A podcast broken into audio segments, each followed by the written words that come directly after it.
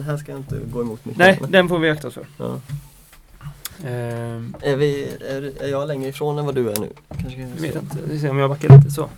Ja, så, så. Mm. Ah, det hörs ju. Ja, jag tror det är inga problem. Jag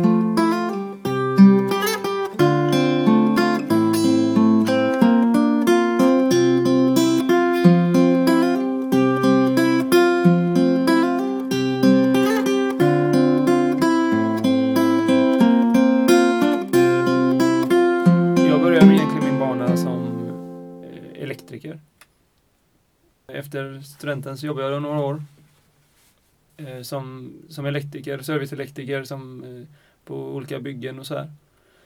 Eh, och det gör jag fortfarande. Eh, än idag, till och från. Deltidsjobbar och jobbar på sommar och vinterhalvår och sådär. Men eh, det är ju huvudsak studierna som tar upp min tid. Jag känner väl, kände väl att jag ville plugga vidare redan i gymnasiet tror jag. Jag läste ju elprogrammet där det inte är så många, de flesta är ju rätt skoltrötta på när man läser så här yrkesförberedande utbildningar på gymnasiet. Ja, vad var det som gjorde att du hade en bild av att du ville vidare, tror du, jämfört med liksom hur andra tänkte? Ehm, Egentligen så låg jag nog vägde mellan att läsa natur eller el. Men jag kommer från en eh, uppväxt där min pappa var, när jag var liten var pappa mö- möbelsnickare. Min bror är rörläggare, eller en, ena, min ena bror i alla fall. Och eh, många farbröder som är hantverkare, eller många farbröder. Ja, mina, mina farbröder är lite hantverkare och svetsare och sådär. Så att jag tror att det är Du var lite rädd för att kanske sätta dig med, eller rädd för, men du hade inte det, den bakgrunden att sätta dig med bara böcker och gröt utan du kanske gör något hands-on? Ja, jag tror, jag tror det. Jag såg lite Jag såg lite nyttan i att och, och, eh, ha ett, ett eh, hantverksyrke bakom sig så här. Jag vill ha den kunskapen i mitt privatliv tror jag. Det är nog därför lite som jag började med det. Mm. Många sa så här, ja men det är bra att ha något att falla tillbaka på så här, när jag började plugga. Och visst, det är det. Det har varit eh, jättebra under de här åren. Men jag tror att främsta anledningen är att man vill kunna kunna fixa och dona saker själv. Ja, Det är, det är väldigt praktiskt. Intressant att, Ja. eh, att det var det som var ditt huvud där. Det hade Ja. inte, så I de banorna har jag inte tänkt faktiskt. Nej, för jag tror att, ja, jag har aldrig varit riktigt, riktigt, eh, det har aldrig varit pengarna som lockat. Det var inte det när jag började. De, många, många dreglar ju liksom över det här att kunna gå ut direkt efter gymnasiet och ha ett välbetalt jobb liksom. Mm. Men eh, det var liksom inte riktigt det som lockade mig tror jag. Och sen när jag väl började plugga på högskolan så hade jag fortsatt att jobba så hade jag tjänat mycket mer pengar. Jag kommer aldrig komma ikapp liksom. Nej. Tror jag inte. Nej. Utan eh, med studieskulder på eh, uppemot en halv miljon liksom och bortfallen inkomst på 5-6 år. Mm. Så en ingenjörslön är inte så fruktansvärt mycket högre än, än eh, En elektriker. en, ja, nej. Nej. Eller det, det är kanske procentuellt kanske är mycket men inte om man ser det över tid. Liksom. Så jag tror inte det är pengarna som gjorde att jag pluggade vidare. Nej. Men sen hur jag kom in på miljötänket, det vet jag inte riktigt. Ja, det är lite intressant Ja. undrar, för det, det, låter, det ligger ju inte i den, som de här, den här bakgrunden du pratade om, att eh, dina bröder och hantverk och så här vidare. Alltså, så här, det är inte så miljöanknutet. Det, det Nej. har kommit någon annanstans ifrån eh, kan man ju tycka. Då. Men Ja. du vet inte var? Nej, alltså min fru jobb, är ju biolog så att där tror jag att det är ja, där har vi nog en Ja, där är nog en stor, en stor källa kanske. till, till hur hon har ju infört väldigt mycket ett, ett tänk som jag tror inte, jag, jag hade nog inte det riktigt innan. Men samtidigt så så ehm, tror jag, jag, jag vet inte riktigt när det, just när det kom, men det var det kan ju varit bara att det alternativet fanns. När jag sökte in på Chalmers så fanns ett, ett eh, program som hette E-miljö. Och jag tror jag tyckte det lät spännande. Och eh, framförallt något som jag ville lära mig mer om. Så att jag tror att det, det, det kan varit lite slump alltså. Men, Ja. men det, det tankesättet som jag fick när jag började plugga på eh, just den här miljölinjen var, var ju faktiskt har ju präglat egentligen min, min tankebana i det mesta efter det. Mm, det, det kan jag verkligen hålla med om att jag Ja. också har präglats av. eh, den, alltså man har fått ett annat tänk utan att egentligen att det var något syfte som jag hade från början. Nej, precis. Men ja, Att vi sitter i... Mm. Ja, men det är lite det här tänk. Jag tror det. Solidaritetstanken där liksom. Det är lite... Det blir ju väldigt lätt en politisk di- diskussion, men jag tror lite att man, om, om man bara ser till sig själv så eh, blir det svårt att, att nå de här gemensamma målen. Om varje person ska se till sig själv. Nej, jag, jag tror det, det är väldigt svårt att diskutera utan att, utan att bli politisk. Mm. Att diskutera själva Ja, alltså- grundtanken i att vara miljövänlig helt enkelt. Precis, precis, precis. För det är ju jobbigt på ett sätt att vara...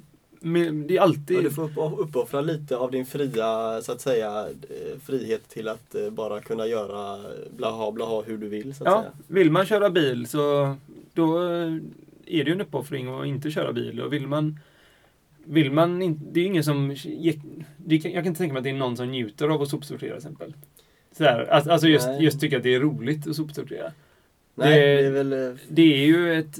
Men samtidigt så är det ingen som tycker det är roligt att diska heller, men det måste man ju göra. Och, Ja, det var ju en ganska bra jämförelse. Ja, men det är lite så. Det tar ju lite tid. Även om det är en uppoffring som jag känner att jag jättegärna gör, Mm. så är det ju fortfarande så här. Det är, man måste ju bestämma sig för att det är bara så här det är.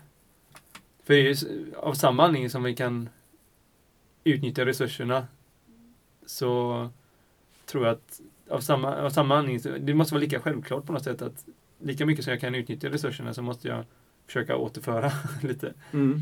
Men eh, Tänk, kan man säga att eh, man i grunden egentligen i ett större perspektiv tänker på sig själv lite?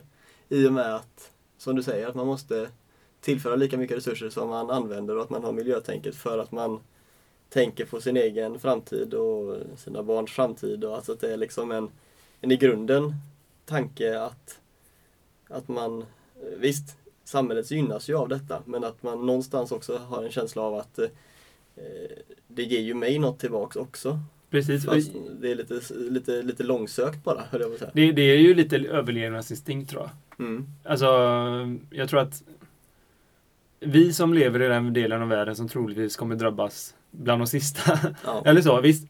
Vi båda bor i Göteborgsområdet och vi bor ju rätt nära havet. Mm. Så att stiger vattennivån med två meter så kommer ju vi drabbas. Ja. Men innan, innan det sker så kommer våra politiker och våra resurser ha kunnat liksom skydda oss på bästa möjliga sätt. Liksom, på något sätt. Mm. Alltså, vi kommer troligtvis få bygga barriärer mot, eh, i hamnen. Vi kommer troligtvis få eh, bygga om våra bostäder och hus till en våning extra. eller så. Även om det blir ett nytt Venedig liksom, så kommer vi ju överleva. ja, precis. Eh, Medan när detta börjar drabba oss så har ju redan många, många människor i låglänta, fattiga länder de är ju borta liksom. Ja. De har ju inget land kvar. De har framförallt kanske flyttat på sig, de som har kunnat. Ja. Det är, lite, det, det är klart att det är en överlevnadsinstinkt i att, att eh, en väldigt långsiktig sådan. Mm. Ja, mycket långsiktig Ja, man planerar väldigt överlevnadsinstinkt långt i som förväg. ligger i miljötänkets Ja. grund och botten. Ja. jo, men så kan det nog, eh, kan det nog eh, vara. ja. Sen så kanske man inbillar sig att man också vill hjälpa andra och grejen är att effekten blir ju att man gör det också. Så att säga, om man tänker lite miljövänligt så att säga. Men ja, det är en, en intressant tanke. Jag kanske spånar iväg väldigt mycket på det här med själviskt.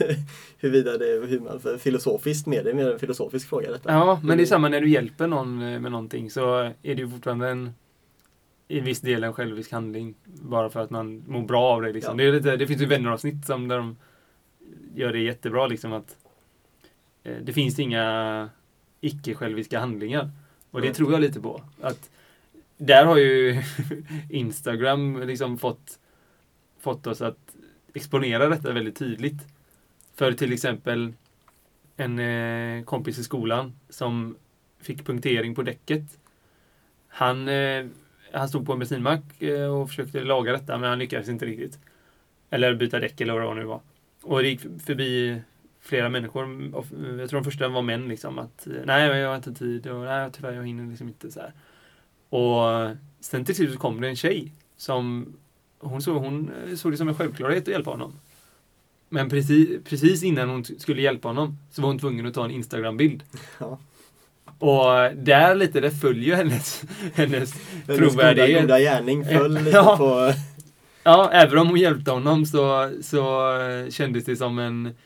en eh, win-win så att säga för hennes del. ja, Ja.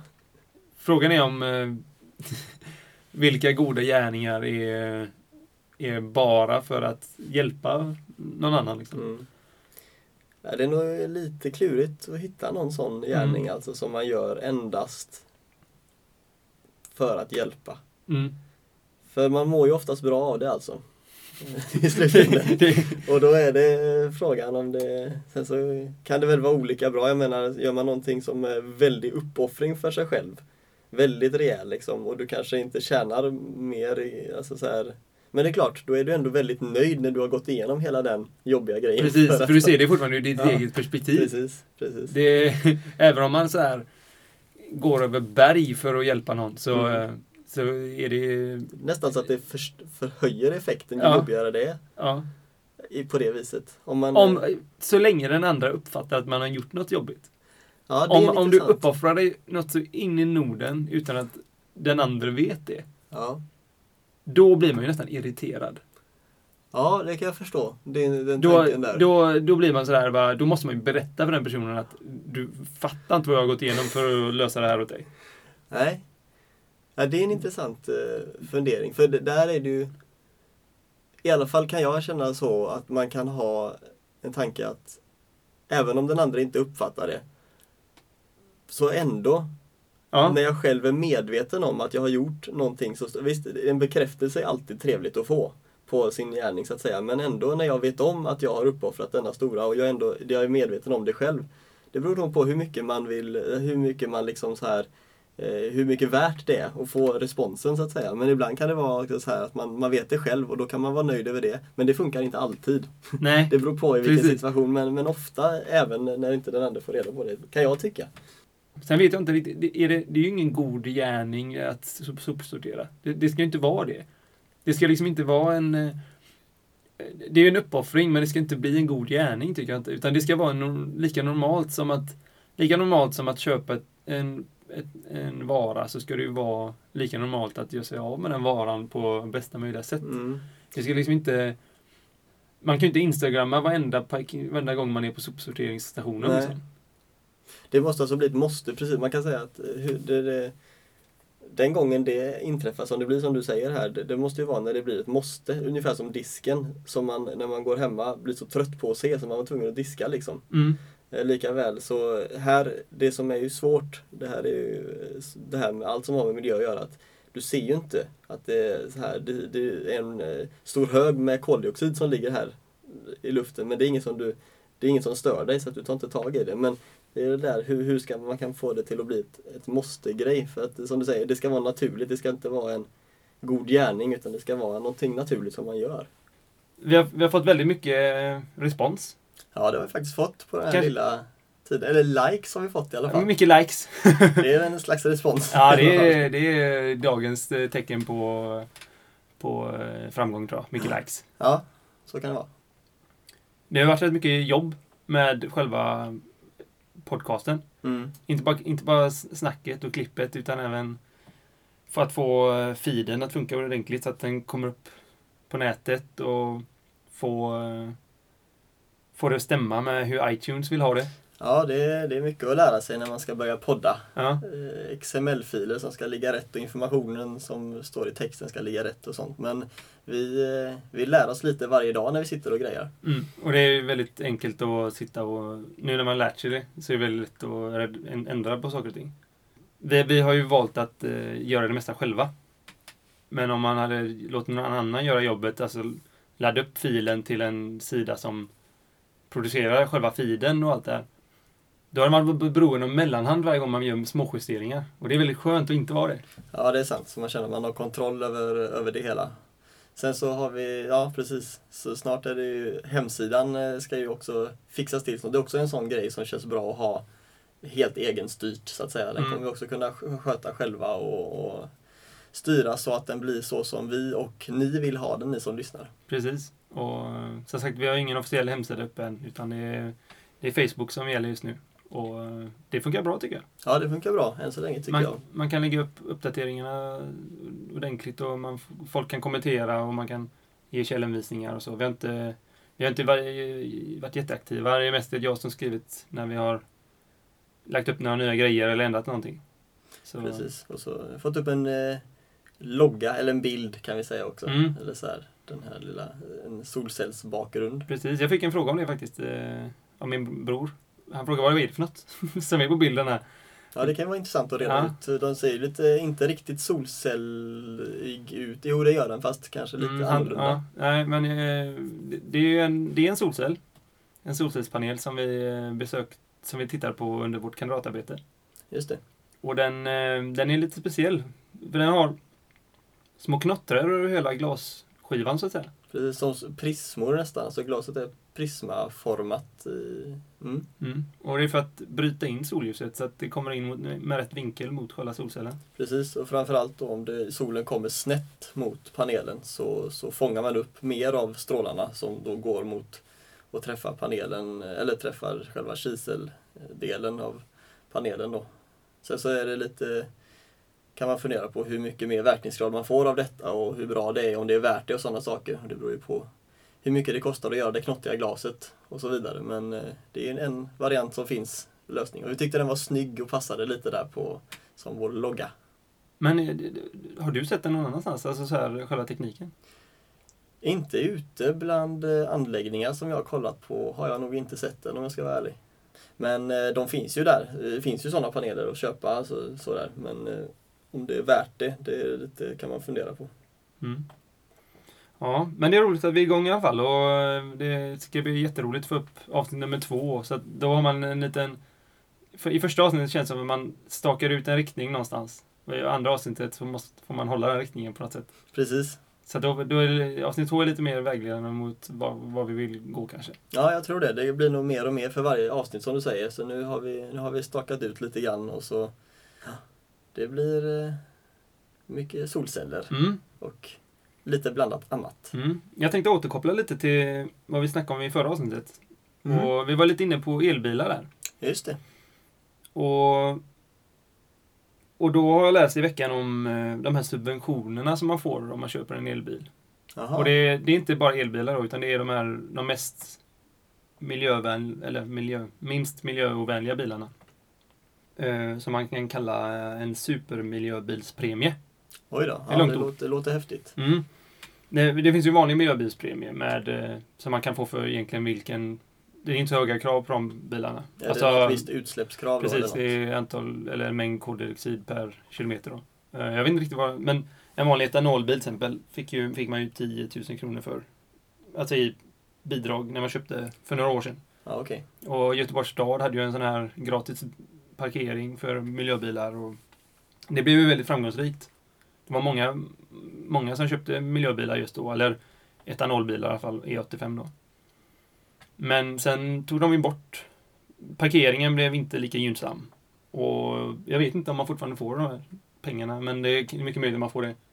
Att man får en premie. Men idag så har ju eh, även dieselbilar och bensinbilar mycket lägre utsläpp än man hade för bara tio år sedan eller fem år sedan. Mm, Så ja, att- de har jobbat på lite där Ja, faktiskt. eller ja.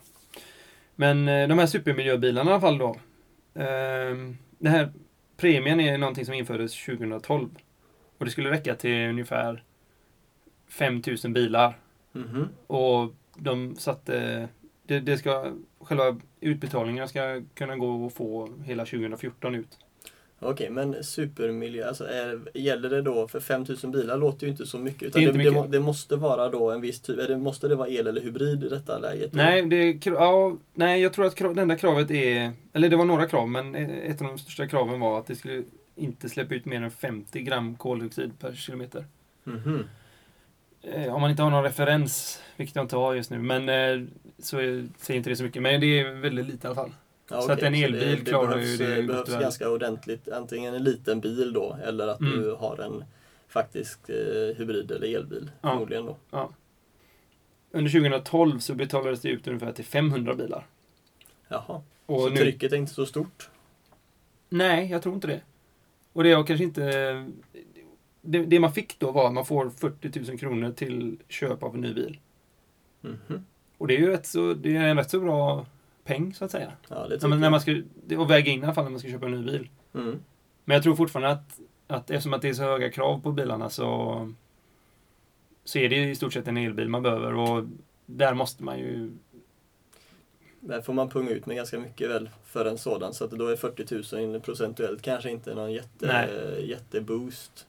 Nej, precis. De, de är ju väldigt dyra elbilarna som sagt. Mm. Ehm, men det, då kommer jag att tänka på det här med subventioner i allmänhet. Och solceller har ju idag subvention. Man får subventioner för att installera solceller på sitt hus. Ja, precis. Vad, vad ligger den på idag? Idag ligger den på, det, man får 35% av den totala investeringskostnaden man lägger på sin solcellsanläggning då. Eh, Men eh, de, ja, det är ju en ny så att säga subventioneringsperiod som började nu ganska nyligen och sträcker sig till 2016. Men eh, det stödet är ganska fulltecknat som det är nu. Så att eh, problemet är det att även om man söker det här så är det så att det dröjer eh, troligen ganska lång tid innan du får ett stöd. Och sen så finns det en risk även att du inte alls får stödet i och med att det kan vara så pass många före dig. För det finns en viss kvot. De har, de har lagt 210 miljoner eh, har, de, har regeringen satt undan för detta. Eh, och det kan ju vara så att det tar slut i och med att söktrycket är väldigt högt på de här pengarna.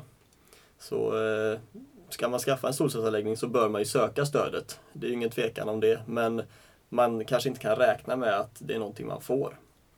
Det är ju väldigt synd för att det är ju lite avgörande för om man ska, kommer att installera eller inte. Eftersom att det är så pass stor investeringskostnad och en väldigt stor del som man får i stöd då. Precis, så det är lite, det hämmar ju marknaden lite grann att man gärna kanske väntar in då att det kanske kommer någon ny regel eller hur, hur det släpps och, och sådär eftersom det ligger låst. Att man vet att bara man gör det i rätt läge så får man stöd liksom. Men då kanske man ska vänta tills det faktiskt är möjligt. Så man kan ju i det här läget fundera på lite grann om det är vad hade varit bäst egentligen? Alltså antingen har man kvar det här eh, så att säga och då sitter folk kanske och trycker lite och väntar. Eller så kanske man borde tagit bort stödet överhuvudtaget så att man får marknaden att komma igång eh, Eh, för att man vet att nej, det är inget stöd att vänta på. För att solcellerna börjar ju ligga i marginalen att det börjar bli lönsamt ändå så att säga. Så att det kan man fundera lite. Men det är klart, ett stöd är ju alltid, känns ju bra på något sätt. Men det, som sagt, det segar lite på grund av att ingen får stöd. Mm. Egentligen all teknik måste ju kunna stå på sina egna ben vid något tillfälle. Vid något tillfälle, precis. Och så, så är det ju. Och de solceller, de är väl inte, som sagt, de behöver ju lite stöd fortfarande. Så är det ju, eh, skulle jag säga i Sverige. För, alltså, även om det ligger på gränsen till lönsamhet eller till och med kan vara lönsamt eh, i vissa lägen då, så är det ju ändå att det är ingen stor marknad än. Så att eh, det behöver ju boostas fortfarande för att komma igång. Men eh, priserna har sjunkit väldigt mycket den sista tiden också. Ja, det har ni gjort. Det har ju sjunkit väldigt drastiskt eh, det senaste. Eh, vi kommer väl, vi har tänkt att vi ska ha någon slags eh, eh, tema på någon podd som vi har framöver med lönsamhet just och fokusera på att gå lite mer djupare in på detta med lönsamheten då. Men eh, man kan väl säga att eh, ungefär, jag kollade här på, på det finns en tysk, tyskt index som är ganska bra att kika på. Eh, från den tyska motsvarigheten till- Energimyndigheten, eller den tyska organisationen för solkraft eh, kan man säga. Som har en, eh, en eh, graf på sin hemsida som visar då hur mycket en färdig kilowatt installerad effekt kostar för en anläggning som är småskalig, alltså under 10 kilowatt. Och där eh, kollar jag nu senast idag och där ligger, kostar en kilowatt ungefär 15 000 kronor. Eh, så att, eh, och det är väl ganska eh, jämförbart med vad man får betala i Sverige också för marknaden är ganska integrerad idag. Så att eh, det ska inte vara någon större skillnad på det. Och ställ, installerar man då en större anläggning då kommer man ner ytterligare lite grann i eh, eh, hur mycket det kostar då per installerad kilowatt. I och med att större kvantitet då kan du få ner priset eh, på grund av mängden du köper då. Och med installerad effekt menar man då alltså kilowatt peak då som är... Precis, kilowatt peak eller kilowatt tak eller det som, det som man då kallar för eh, det som man har som jämförelsemått i branschen som eh, då är eh, en installerad kilowatt på ett tak. Men det betyder inte att anläggningen konstant kommer producera den mängden el utan att det är ju bara ett mått för att kunna jämföra. Men det är ändå en slags storleksordning som man kan jämföra då med mellan anläggningar emellan. Då. Eh, ja, och man kan ju spinna på på det här med subventioner. Eh, för det är nämligen så att det nyligen har kommit ett eh, lagförslag, eller de kallar det för, eller det kallas för lagrådsremiss från regeringen gällande en skattereduktion för när du är mikroproducent av el. Och det gäller ju folk som har solcellsanläggningar då på taket hemma till exempel. Man får lägga in att det är valår som, som sagt och att det är sådana här saker. Det är inte säkert att det håller över valet så att säga. Precis, det är inte skrivet i sten sådana här saker. Nej. Så det är, eh, men eh, utan att säga för mycket så tror jag att det, det, det här beslutet, så att säga, eller beslutet, det här, den här lagrådsremissen, den har så att säga kommit ur den här som var den tidigare, det som kallades för nettodebteringsutredningen. Så att eh, den har ju diskuterats länge och jag tror att det har varit lite över eh, de politiska gränserna att något slags nettodebiteringssystem ska komma till. Och så har det här lagförslaget, eller lagrådsremissen då, blivit som ett slags resultat efter mycket, mycket bollande med hur det här ska se ut då. Vi kanske ska tala om också vad nettodebitering är. Mm. Det är alltså då att du får kvitta den elen som du producerar får du kvitta mot den du köper. Precis om du producerar mycket el på sommaren så när du inte har så hög förbrukning så vill du kunna sälja av den så att du tjänar pengar på sommaren och så kan du investera, eller använda de pengarna till att köpa in el på vintern om du behöver det då, när det inte är lika gynnsamt att producera sol och när du inte producerar lika mycket solenergi helt enkelt. Precis, det blir som att använda elnätet lite som ett batteri i princip utan att ha ett batteri hemma. Eh, så att det ju, hade ju varit, eh, man kan säga, det är väl den, ultimata lösningen på ett sätt att få till detta eh, för ur solcellsägarens perspektiv. Då. Men då har man då på grund av lite skatteregler och sånt som har inte gått ihop riktigt med EU-regler och så vidare. Jag går inte in närmare på den diskussionen där men, men de har i alla fall kommit fram till att en, en lösning då skulle kunna vara något som de kallar för skattereduktion. Eh, och eh, det förslaget som nu har kommit fram och som, som, eh, som eventuellt kan börja gälla framöver här då om, om allting står sig och regeringen får vara kvar, höll jag på att säga, och sådana saker då. Så har de, eh, den går ut på då att man kan få eh, eh tillbaks på skatten om man matar ut el på elnätet. Eh, så att det blir en slags kompensation då istället för att man eh, gör nettodebitering. Eh, men det finns ett maxtak på det, att du får max mata ut 30 000 kilowattimmar per år som du kan få ersättning för, alltså skattereduktion för. Och du, kan få, du får då 60 öre för varje kilowattimme som du matar ut på nätet. 30 000 kilowattimmar, det blir ju... Eh, alltså en vanlig villa brukar man räkna 20 000 kanske. Ja, något sånt. Vi här i vårt hus har vi eh, drygt 10 mm. kanske. Mm. Något sånt. Eh, så att det, det ger lite relation till... Ja, precis, precis. Till hur mycket det är. Så att det är ju en årsförbrukning för villa och mer, precis, lite mer. och lite mer liksom. Om man har kanske uppvär, alltså värme, vatten med el och sånt kanske det kan sticka upp åt det här eh, hållet. Och för att få en jämförelse som du säger. Eh, men de här, du kan då alltså få 60 öre för varje kilowattimme du matar ut här. Och tar man då 60 öre gånger 30 000 eh, kilowattimmar så blir det 18 000 kronor. Så att vad det betyder i realiteten det är att du kan få eh, 18 000 kronor tillbaks på skatten om du utnyttjar det att du matar ut eh, alla de här 30 000 kilowattimmarna på nätet.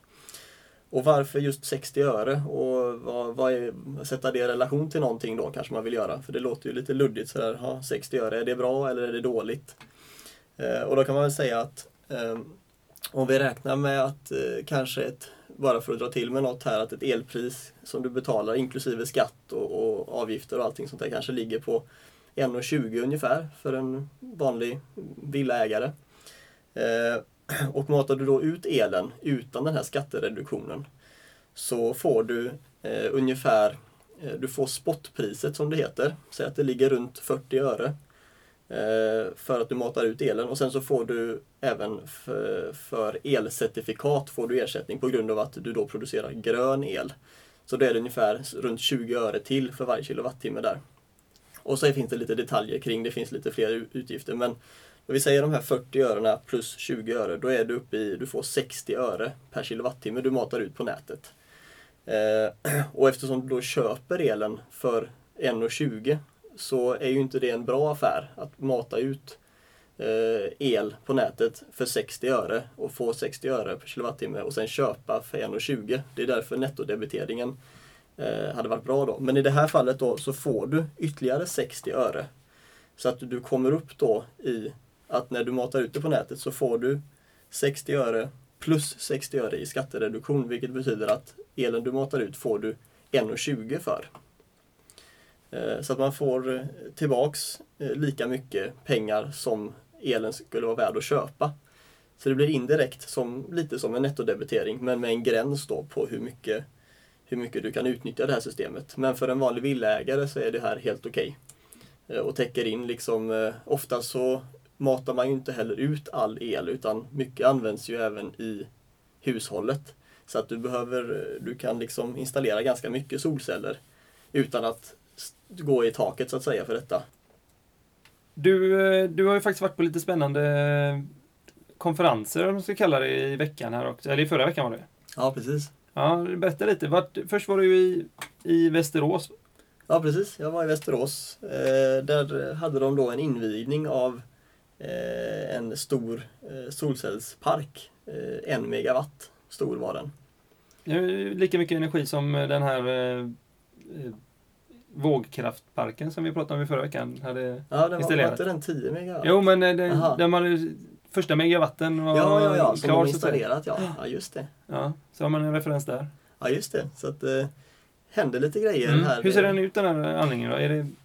Ja, den är, den, är liksom, den är inte som en vanlig anläggning, höll jag på att säga. Den är, eh, det är alltså, det sitter stora eh, sjok med solceller på stora solföljande eh, det är stora solföljande sjok som då står på stolpar eh, ute i skogen kan man säga. För ett öppet fält intill, den ligger, den ligger vid E18 cirka 5 kilometer öster om Västerås.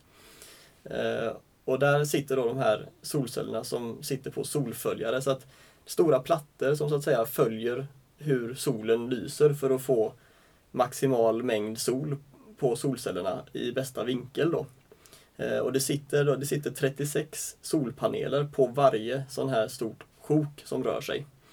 Eh, så att det är ganska stora, stora grejer som flyttar på sig där. Det här med vinkeln gör ju rätt så mycket. Att den har rätt vinkel mot solen hela tiden gör ju att eh, man, man får optimalt mycket el på den ja. instrålade energin. Och, och det finns ju lite matematiska beräkningar på hur, om man har en fast andning som de flesta har på ett villatak eller på eh, vilket tak som helst så vill man ju ha inte bara rätt sol, eh, inte bara rätt väderstreck utan du vill även ha rätt vinkel mot horisontellt läge ja. så att säga. Mm, alltså att den är, det är precis det, att man vill åt den där vinkeln. Så att det är smidigt.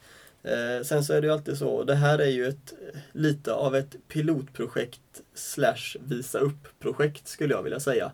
För att eh, det är ju lite fundersamt huruvida det är i realiteten ett lönsamt projekt. Men det ligger så att det, det är mer visa upp så att säga då. För att eh, det man ska tänka på när det är sådana dels så står det ju, sitter du inte på en byggnad. Vilket gör att eh, de måste ju så att säga sälja all el. Eh, och det gör ju att även om de här nya subventionerna kommer och sådär, alltså skattereduktion och sånt, så producerar de ju betydligt mycket mer el än vad som så att säga täcks in i vad man får göra för att få subventioner. Så att eh, det är ju en sak, där att elen säljs på elnätet och dels så de här solföljarna, de har ju också den nackdelen att det så fort du gör någonting annat än att bara lägga paneler platt på taket och låta dem sitta där i 30 år så får du liksom risk att saker och ting går sönder. I och med att du har rörliga delar och det är motorer som ska snurra och vända de här panelerna och sådana saker. Så att, eh, det, borde, det borde leda till höga underhållskostnader? Och så. Ja precis, i alla fall blir det högre. Eh, mm. Och de behöver ju tittas till så att säga. Det är sådana här grejer, det måste fungera. Om det börjar blåsa mycket till exempel måste de lägga sig platt och det måste alltid fungera. Eh, annars så kan de ju riskera att blåsa sönder. Eh, kommer det snö måste de fatta att de ska lägga sig platt också så att det inte, beroende på vad de ska göra då, tippa av snön eller finns lite sådana saker. Men framförallt att de konstant varje dag ska röra sig så att säga efter solen. Eh, med allt vad det kan innebära med en motor som ska göra rätt sak vid rätt tid i många, många år. Så att, eh, men eh, tekniken fungerar bra, alltså nu i alla fall. den är precis invigd. Men, eh, och den lär ju fungera jättebra också, så att eh, man, man lär sig väl. Alltså, det är ju ett projekt där de lär sig. Det ligger också forskning kring detta eh, som görs då från, eh, från eh, jag kommer inte ihåg, Mälardalens högskola tror jag. Eh, där de gör forskning kring detta då för att lära sig mer. Och eh, det som är intressant också tycker jag, det är att det sitter på varje sån här solcellspanel i den här parken så sitter det så kallade Power Optimizers under. Jag vet inte ett bra svenskt, vad ska man säga, Nej. energi, smarta, effektivt, ja, vad ska man säga? En liten apparat som gör att man får ut det mesta möjliga av sin solcell eller? Det var en väldigt bra förklaring tycker jag. Precis så är det. Men hur, varför sitter det inte alltid en sån på alla solceller? Ja, det är då lite unikt för detta och det är för att eh, det är återigen detta med att så fort du lägger in någon ny pinal eller elektronik så blir det plötsligt en risk att någonting går sönder. Och sen så självklart kostar det ju lite extra att sätta på en sån här eh, elektronik extra som eh, som då å ena sidan ser till att den gör att vi får maximal effekt ur varje solcellspanel men å andra sidan kostar pengar och kan gå sönder. Och det är svårt att det är redan svårt att nog att motivera en solcellsanläggning i många lägen så att eh, priset är ju väldigt känsligt.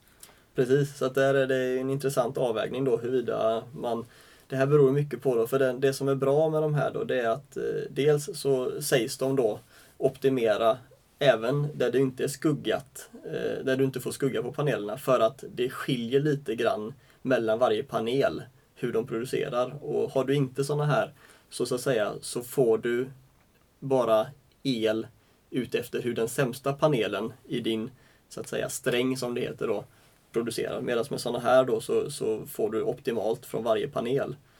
Man kan, man kan säga att de ligger eh, i, i, eh, alla som har läst någon ellära vet att eh, om man lägger saker och ting i serie så måste strömmen passera varje, varje apparat som ligger i serie. Och då om den ene blir det blir som en flaskhals. Precis, om en, en producerar lite, om en producerar lite så drar det ner effekten från alla panelerna. Precis. Och det här då, de här eh, power optimizerna då, som vi kallar det här, de, eh, de är ju extra bra då om det blir skugga på vissa delar av panelerna. För då är ju solceller sådana att då blir det väldigt trögt för strömmen att gå igenom där. Eh, så att därför så då blir det skugga på vissa paneler så, så tjänar man mycket på att ha de här power optimizerna. Och man kan ju tänka sig, de sätt, jag tyckte mig själv tycka att de satt ganska nära varandra, de här stora sjoken som rörde sig. Och det kan man ju tänka då att det var ett genomtänkt och att de använde mindre mark men så satte de de här power optimizerna så att eh, de ändå, även om det skuggar, alltså de skuggar varandra emellanåt, så får du ändå ut eh, ganska bra med effekt. Och så sen så står det ju lite träd och sånt inte allt för långt ifrån så där får man också skugga när solen står lågt. Så det, det har väl tänkt igenom lite men det, det var, det är som sagt, det var många paneler och det var många stort... optimizers. Ja, och det, det är självklart ett, eh, ett marknadsföringsvärde i en sån här anläggning. Att eh, den, även om den inte är fullt lönsam i alla lägen så är det ju en väldigt bra reklam för dels de som har byggt det och dels kommunen, marken som det står på. Och ligger det bredvid en motorväg så är det ju extra bra. Precis, det var precis det som Anna-Karin Hatt var ju där och invigde då på den här. Och hon pratar ju precis om detta, att den syns ju bra och så sitter bredvid vägen och allting så att det blir ju som ett skyltfönster in i framtiden. Tyckte det, hon uttryckte det lite åt det hållet. Eh, och det är ju klart, det är ju snyggt att visa upp. Sen får vi lämna en liten brasklapp inför de kommande avsnitten här. Ja, du menar? Ja, vi, vi båda har lite fullt upp framöver. Ja, det stämmer ju faktiskt. Det, jag ska få ett litet barn ja, närmsta månaden någon gång. Inte så liten grej. Nej. och för min del så ska jag, jag ska ut och resa. Jag ska till New York här om en vecka ungefär. Eh, och sen så, eh, Eh, vad var det mer jag skulle göra egentligen? Du ska flytta. jag ska flytta. Det är en ganska... Och så ska ni skaffa katt. Och så ska vi skaffa katt. Och allting händer nu på ganska kort tid. Så att det kommer väl vara lite fullt upp kanske. Ja. Sådär. Men det som- kommer komma ut ett avsnitt. det kommer det göra. Ja. Ska vi säga så? Ja, det är väl ungefär det vi hade idag. Ja, vi har inte riktigt hunnit med allt som vi hade tänkt att göra. Du, eh, du har ju varit i Borås också. Ja, precis. Eh, har jag varit en sväng där på, på SP, Sveriges provningsanstalt. Heter Ja, just det. Eh, men det, ja, nej, det får vi väl spara kanske till nästa eh, avsnitt och snacka om det. Ja, det tror jag.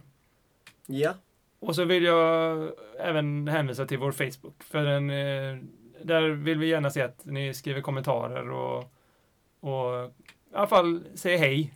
precis. Och kanske att ni har hej. lyssnat. Det är jättebra. Det är trevligt att höra att någon, någon sitter på andra sidan och Ja. lyssnar på oss. Men då så. Tack för idag. Tack för idag. Ha det bra. Hej.